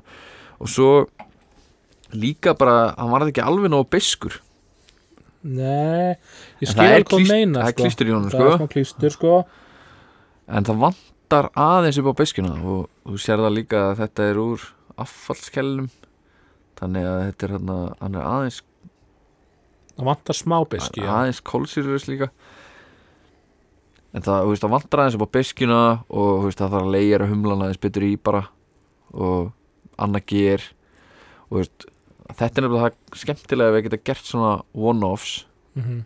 en bara að þú hittir á eitthvað og fólk fílar það þú veist, og bara gerir aftur og það kemur það bara Mhm. þú veist, næst verður hann aðeins öðru sig En þetta er líka, þú veist, það sem ert að segja núna um að breyta þessu Þetta er allan að, þú veist, þegar ég er að smakka eitthvað bjór sem ég geri, sko Þetta er það sem ég hugsa hu, Þú veist, hausi minn fer bara strax í hverju vil ég breyta Já, það er Af því ég vil gera eitthvað betra Ég hugsa kannski, Já. já, kannski of lítið beskur, of mikið beskur. Og svo er kannski einhver annar sem finnst hann bara perfekt beskur Þetta er því. líka stundu við þarna, maður er aldrei sáttur. Nei, veist, maður langar alltaf að gera betur. Já, ég veit ekki hvernig tilfinningin væri að hitta bara, Já, bara Já. hefði við vorum að gera hérna þetta er bjórin, þarna er hann. Ég er bara, svona er bjórin sem ég ætla alltaf að gera. Ég sko, hérna ég var svolítið að, að tala um þetta þegar Valli var bruggmestari í RFK þá var ég alltaf að koma með þessa hugmyndan á slæðið að það var lögst tankur bara ef ekki að gera vestkóst og hann eitthvað til hvers? Ég bara, veist, ég elska vestkóst Mm. hann eitthvað, Hjalti farðu bara að kipti þér fucking úlf Mm. það er bara búið að búa til vestkóst á Íslandi. Það eiga bara bara- allir að drekka hann. Ah, ok. Hann bjó bara til úlf og honum Mm. fannst hann bara mitt fullkomin vestkóst Já, þannig, veist, hann sá bara ekki tilgangi með að breyta. Eða, veist, bara sá ekki tilgangi með að við varum eitthvað brugga einhvern vestkóst sem að, veist og hann að honum fannst á vestkóstin ætli líka að vera í gleri, sko. Já, helvítist dósirnar. 440 440 þyrftum að fá Valla líka eitt um hann þá getum við tekið saman á móti honum 440 og 330 Það er heit umræða það sko. er heitumræða því að veist, við höfum átt þessar samræður í hann bara eye to eye Jóhann hann hatar 440 dósir eins og pestina. Já, ég hef aldrei. Sko, 330, 440, 500 svona mildra dósir. Ég er ekkert á móti neittni stærð, sko. Þú veist, ef einhver vill verið í 330, 440 eða 500 er bara flott. En ég vil verið í 440 En það þýðir ekki það að ég hati 330 Nei, við þurfum að eiga, þess, 440 við þurfum meira að samræði við hann Þetta er nefnilega sko, hann í 440 glösi sko. mín og þú veist og ef að þú ert með einhvern 11% þú veist 11% 440 mildra stát það fínt fyrir tvo deila Mhm. þú veist, þú, 330 þá þarf deila tvo og þá er það kannski aðeins mikið maður getur réttilega endalust en, svo finnst mér líka bara allir leipilar og artwork og finnst að njóta sín betur á svona stærri dósum. Þetta er nefnilega það sem alls- okkur það finnst bara- veist, Við erum náttúrulega með í báðum dósunum. Já, það er eitthvað, það er líka mjög Já, það, veist, sko. það verður bara einhvern veginn miklu meira úr 440 einhvern veginn, þú veist, þú hefur bara stærri bara, þú veist, flöt til að express yourself nú, bara með, hrista hausinn já, fullt af fólki bara, þú veist, Ó, vitlaus. guð minn góður. En, allt og mikið.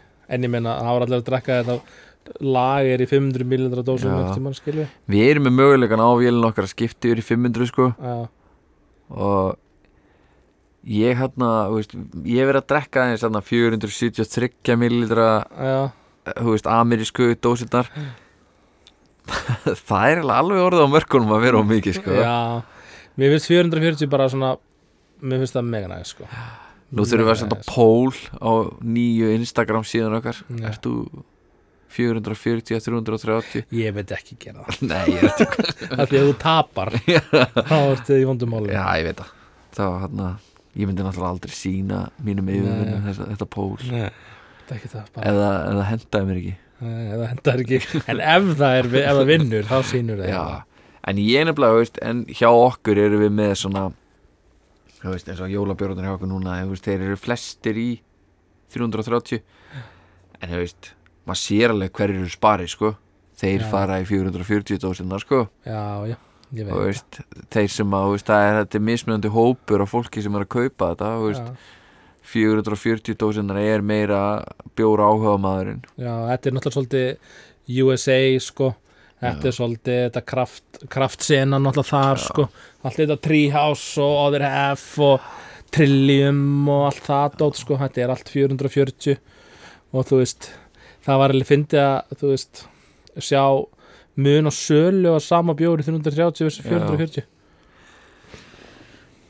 það er bara mjög áhugavert að pæli því þú veist, ef þú ert að rýna í svona tölur, þú veist, þú ert náttúrulega alltaf að selja meira magnabjór já, þú veist, ég nefnilega, veist, ég er alveg pottur á því eins og við vorum með þarna tvo bjóra í Þorrasölinu okkur í fyrra. Annar Amber þarna bara 5,5% í 330 dós. Svo erum við með 8,5% stát í 440 við vorum bara að selja sama magn.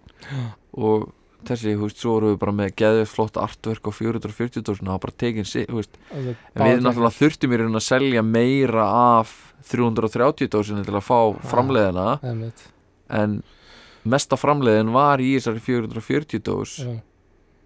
Fjör, þú veist, talandi um hana ameríska dósir þú fórst ekki að smakka þetta óðurhæftami Nei, ég ætlaði að fara svo bara misti ég að því sko. Já, maður var eitthvað lengi, lengi hérna að dósa jólabjórin eða eitthvað. Svo bara fór maður heim og bara, ah shit. Svo náttúrulega bý ég sko hinum meina höfuborgarsæðinu og fara að keira í bæ já, að borga 20 skall fyrir einhverja 6 dósir skilur svona, þú ég veist, held að það hafi verið mikið þrjúðuskall dósin. Já, þú veist, ég hef smakkað þetta oft já, og náttúrulega bara farið áður hef og þetta er bara trillt góður bjór sko. En, að ég veit ekki. Fyndi samt að þarna, veist, þú segir hérna trillt góðu bjór. Já, en hann veist- bara en 3000 kall dós Já, ég en- skil, ég skil að það sé verið að flytja þetta inn frá uh, hérna New York á einhverju kaldri pallettu og náttúrulega það sem flytur þetta inn þarf að græða eitthvað, allt það. Þetta er ég bara- sko, þú veist, Æ, ég ég veit það ekki er bara, þú veist, ég er ógæslega mikill ipjahaus og ég bara elska íslensku brugghúsum svo mikið. Alltaf því ég þú veist, eins og ég fekk hérna í hendurnar held ég átta dósir eða sex eða átta dósir eða eitthvað, þú veist, bara variation af öllu, áður hef, já, já, Já. og smakka þetta, mér finnst þetta gott. Og veist, ég er náttúrulega bara algjör humlahaus. Já, og, og veist, mér finnst þetta gott. En ég bara skil ekki og ég er örglega að gera marga breyla núna. Við erum ég- alveg að gera marga brjála núna með þessar áður hef umræði sko. En ég bara skil ekki Fólk sem er tilbúið að fara og kaupa sér dós á 3 og 5 segjum það bara. Hjá óður haf, bjór fluttur yfir hafið. Þeir getur bara farið, þú veist tapprum hjá Malbygg og kefti fókin pöndu sko. þú veist bara pöndu sem var dósuð í dag. Já, eða, eða humar Já, sem var góð. dósar í dag. Þú veist, við, ég bara þegar var búið að taka þetta rung í vinnunni bara smakkið allt saman og allir að, veist, að sniffa þetta og æðislegt. Og þú veist, þá fór ég bara inn og ég tók bara doppeluppi á tank setti bara borðið bara smakkið þetta? Veist, það er ekki búið að flytja þetta yfir hafið. Þetta er ekkert verra. Nei, nei, veist, það vantar bara eh, það, veist, það myndi engin lappa inn í tapprum hjá mér og kaupa dós af bjór dósar í dag á 3 og 5 nei, ég veit það. En veist, það er búið að vera veist, að hamri í okkur bara veljum íslenskt borðaðu íslenskt lambakjöt íslenskt grammiti, bla bla bla. Mm en svo stöndum við í röð fyrir þetta sessjum kraftbar þegar kom einhverja ég, ég sko þegar kom einhverja bjórdósir þú ert segur í ég, þessu ég var máli. að segja, ég ger þetta fyrir Treehouse. Já, já, þú veist, stendur í, stendur í röð og býður eftir, þú veist, og ert að kaupa þú veist, kaupa er tvö fórpakk fyrir 30 skall. Hvað getur þið keftið mikinn bara geggjaðan íslenskan IPA ég fyrir að ég stóð í rigningu á bankastræti einhvern tíman og beði eftir Treehouse og eitti 15 skalli og, og já, fór heim og kláraði þetta einu kvöldi sko eða eitthvað. Veist, ekki miskilum mig að fara Treehouse til, já, já, veist, að áður fara veist, til, Trillium alltaf dót, en náttúrulega geðveikt. Að fara út til Boston veist, fara í hana Charlton og þú veist þarna drekka Júliu sem var dósaður í morgun. Þetta er, er það. En þegar þetta er að koma til Íslands og þótt þetta sem flutti ykkur ég myndi þú veist, veljið fucking íslenskt. Drekkið íslenska IPA, bara ferska veist, farið í brugghúsin á veist, það er allir að setja á Instagram þegar það er að dósa þess að bjóra veist, Mhm. veist, svo, ég droppi bara Malbygg Malbygg setur alltaf þeirra að dósa dópalega Einmitt. bjana sína eða eitthvað. Droppið það eitthvað, kaupið þetta fest, sjáu þetta bara já, algjörlega sko. Mér Alveg finnst íslensku bjóður standa bara á pari við öll þessi hæpurugús já, ef þú drekkur þetta fest. Já, en veist, við erum yfirleitt dæmdir á því að bjórun okkur er búin að standa í einhverjum lager í átíða ferri í tvær vikur og svo kaupir fólk bara einhverja grilla.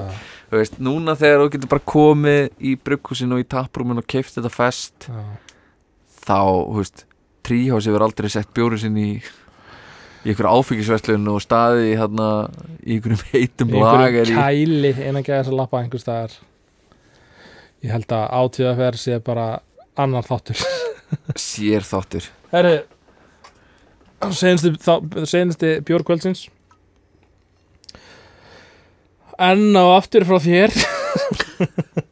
Einhver vann ég, hérna ég kom hana einhver vann hérna kom með fleiri bjóra ást að þú? Herri, súkula ok, skör artisan, súkula stát með, svo er ég svo dimmt hérna með kakónippum frá Le Chocolatier Ivoirien hvernig þetta í frönskunni? Greinilega ekki góður. Kókos, púðusikri og S04 geri inniheldur maltaði bygg kveitiflugur að hafra. Já, já, þið hafið það svolítið að hefði hérna í art hjá sköra því að ég manna bara að því að við bruggum þetta skörbjóra við teljum synda, bara bara allt. að synda við sem ekki með hann bæði ég var að horfa á hann inn að sé gamall sko. ég var að horfa inn, þú veist, við fengum svolítið tilbaka frá átíðaferð ja, hann að við þetta gerðum trippul IPA Já. sem við, í við sem í skör sko. Og G og þið það var alveg geggjaði bjór sko. Það var líka sko, það geggjaði við þann bjór líka var að við vorum nýkomni með þarna nýja humla uppskýru er svo með öli ílt hérna. Og hann kom í sumarsölunni í átíðaferð við vorum eitt slott laust í sumarsölunni þannig við neldum honum þar inn ég gerði við ekki hvað 1500 lítra?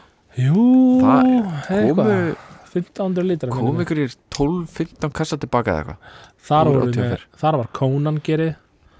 Já, fest pits það stóð allt á dósinni. Conan og ég man Við ekki hvað það var, það Við setjum allt á dósina Það er bara alveg bara niður í hérna bara bara minnstu upplýsingar Við setjum, setjum allt á dósinar þannig að það er engin lindamál þarna þetta er alveg svona þetta er alveg svona díselolía Þetta er bara, já eiginlega, hann er svo þykkur að það var bara smá vesen á dósan.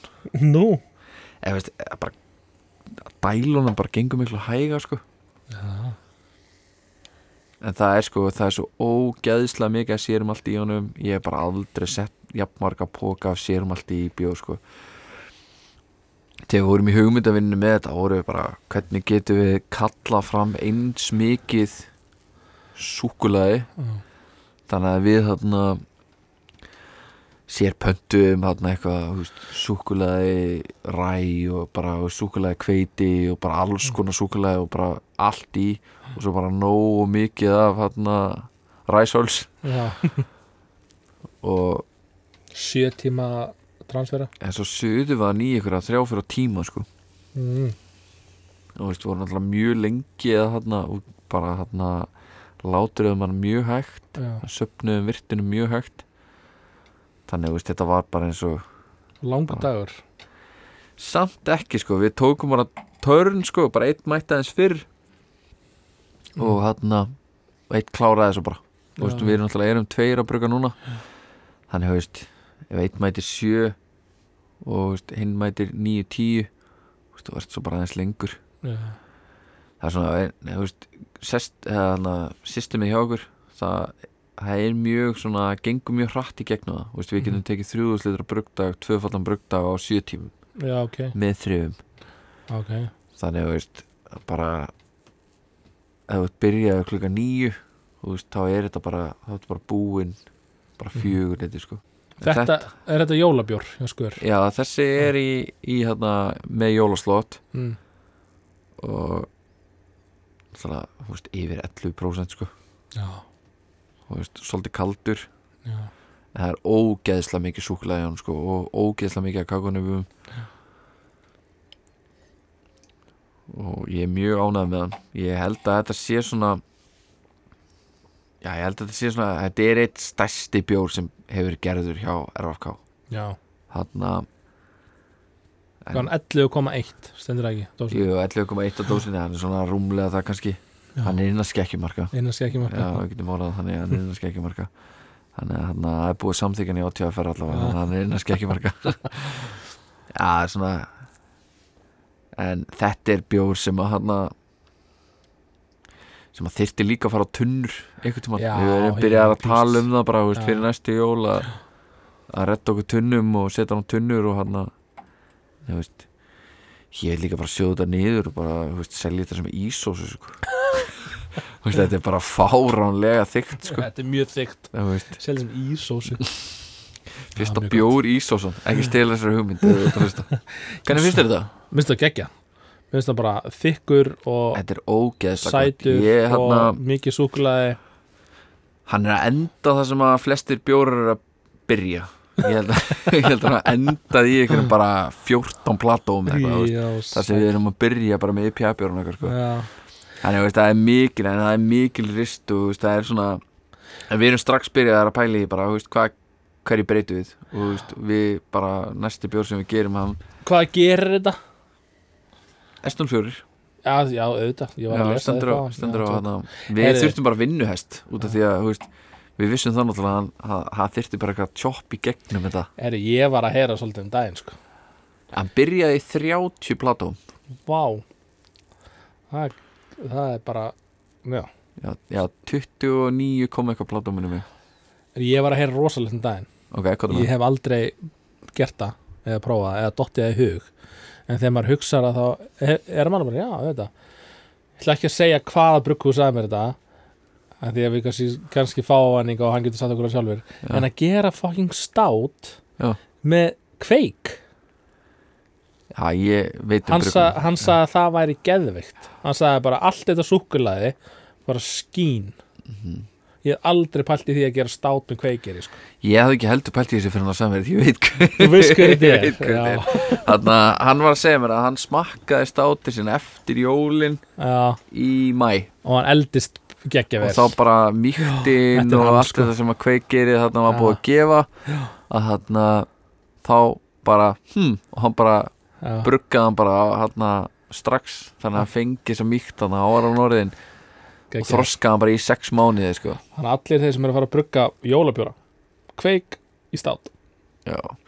ég þarna ég hata kveik Já, ég veit ég þarna uh, ég er búin að vera að gerja veist, ég er búin að gerja í pjabjóra við veist, heita pots heita stig Já. og veist, þetta bara, þetta er ekki minn tipalli sko. Kveiki Nei. Nei. Og mér veist þarna, það vestaðu þetta er að þetta er geðvikt í pjabjóra gerði með kveiki, þetta er geðvikt gott í tvær, Svo er vikur búið. Svo bara, þú veist, ég hetur kveikið upp allan humla karakter og allt. Já. að þarna, Það kemur þessi koncentreru að þetta koncentrera kveik bragð fyrst mér svolítið. Já, ég gefur- tekur svolítið yfir sko ég bara líka, bara ógæslega mikið synda veist, og svo ráðfærið ég mig við bruggara og þeir bara já, já, þú þarfst að nota tvöfalt magna humlum og þú þarfst að nota kveik. Já, bara, ok. Það er fucked up Til þess að yfirgna já, veist, til að halda ég veist já, þetta virkar heldur ekki að marka á Íslandi það sem bjóriðin er tilbúin og svo þarf þetta afhendan í vínbúð. Já, hann er kannski orðin alltaf bara tveggja, þryggja vikna þegar hann er kemur, þú veist, það er bara strax búin að missa fersklegan já, og þá er hann kannski góður fyrstu svona tvær vikunir í söl í vinnbúðinni og svo náttúrulega geima þeir hann bara á heita lagarnir sínum við hliðin og heita kompani já Nákvæmlega. Að það er, þú veist, já. Þú ert ekki að ég, ég, finnst þetta sann Sko, þetta er kannski IPA kveik já, dæmi En kannski er þetta þetta öðru já. státa Herðu, uh, næsti þáttur verður hlinur já. Hann, ég er búin að tala við hann. Mm Hann ætlar að koma. Þannig að þessi, þú veist. Það er sko á þessum tíma sem ég vann með hliðin það, þú veist, að fá að krukka í heilanum á honum Við ætlum að gera það í næsta Já. þætti. Þannig að allir þeir sem er eitthvað svona eru bölaðandur bara prepare. Það er sko Böl er bara búið að vera sætasta stelpan á ballinu núna í einhver ár. Og nú ætlum við að fá að reyna við hana. Næsta, í næsta, í næsta þætti. Við ætlum að fara með Við henni ætlum í að fá stúdíu sætu stelpuna á ballinu hérna í þáttinn. Við ætlum að fá hlinn til þess að útskýra einhverjar gerformúlur. Mhm. vonandi kemur að með einhver Svo er líka bara tricks ógslag skemmtilegur. Það er bara ógslag gaman að sita og tala við hann og drekka með hann já. bjór og veist, það er bara geðið og hann þetta þarf að, þetta verður á dýftina en líka létt og ég. Já, en ég, skal, ég held að við getum alveg varað fólk við að næsti þáttur hann verður alveg Hann verður Dýp. fimm klukkutímar Já, það verður djúpur, öruglega í bjórgerð og líka bara að heyra hvað hlýn þú veist, hvað var hann að gera í Belgju hvað var hann að gera í Borg allt böl, æfintýri hann okkur hættin í Borg Hvernig er að vera gypsy brúur í eigandi á Íslandi? Já. Það, held ég að ég hugsa þessi fullt af heimabryggurinn til dæmis eða einhverju heimabryggjar hlusta á þetta. Fullt af heimabryggurinn sem eru bara búin að, þú veist ég, hef hitt fullt af bara fólki sem er bara eitthvað, hvað þarf ég að gera til að opna brugghús? Já. hann getur kannski sagt það. Það er nefnilega, það sem ég er að segja hann getur komið bara með nákvæmlega bara sína upplifun að því að opna gypsy brúri, hann var ekki með neintæki, enga tanka, allt á leigu. Bara hvernig hark er þetta og þú veist, og er þetta gerlegt bara þannig að hann ætlar að koma næst og kemur öruglega með eitthvað smakk með sér við höldum áfram Er þeir að framleiða eitthvað ennþá? Fyrir utan svona kollup? nei, ég held ég sé bara hættir sko, Já. fáum það staðfest Við þurfum eiginlega að fá líka, veist, af hverju hættu þeir? við fáum það allt staðfest í næstu þætti en við segjum bara takk fyrir okkur í hérna byli og það verður stutt í Þurfum við næsta ekki að fá ykkur að sponsora líka? þátt ekki mjög algjör Þá bara við erum sponsorað að bóla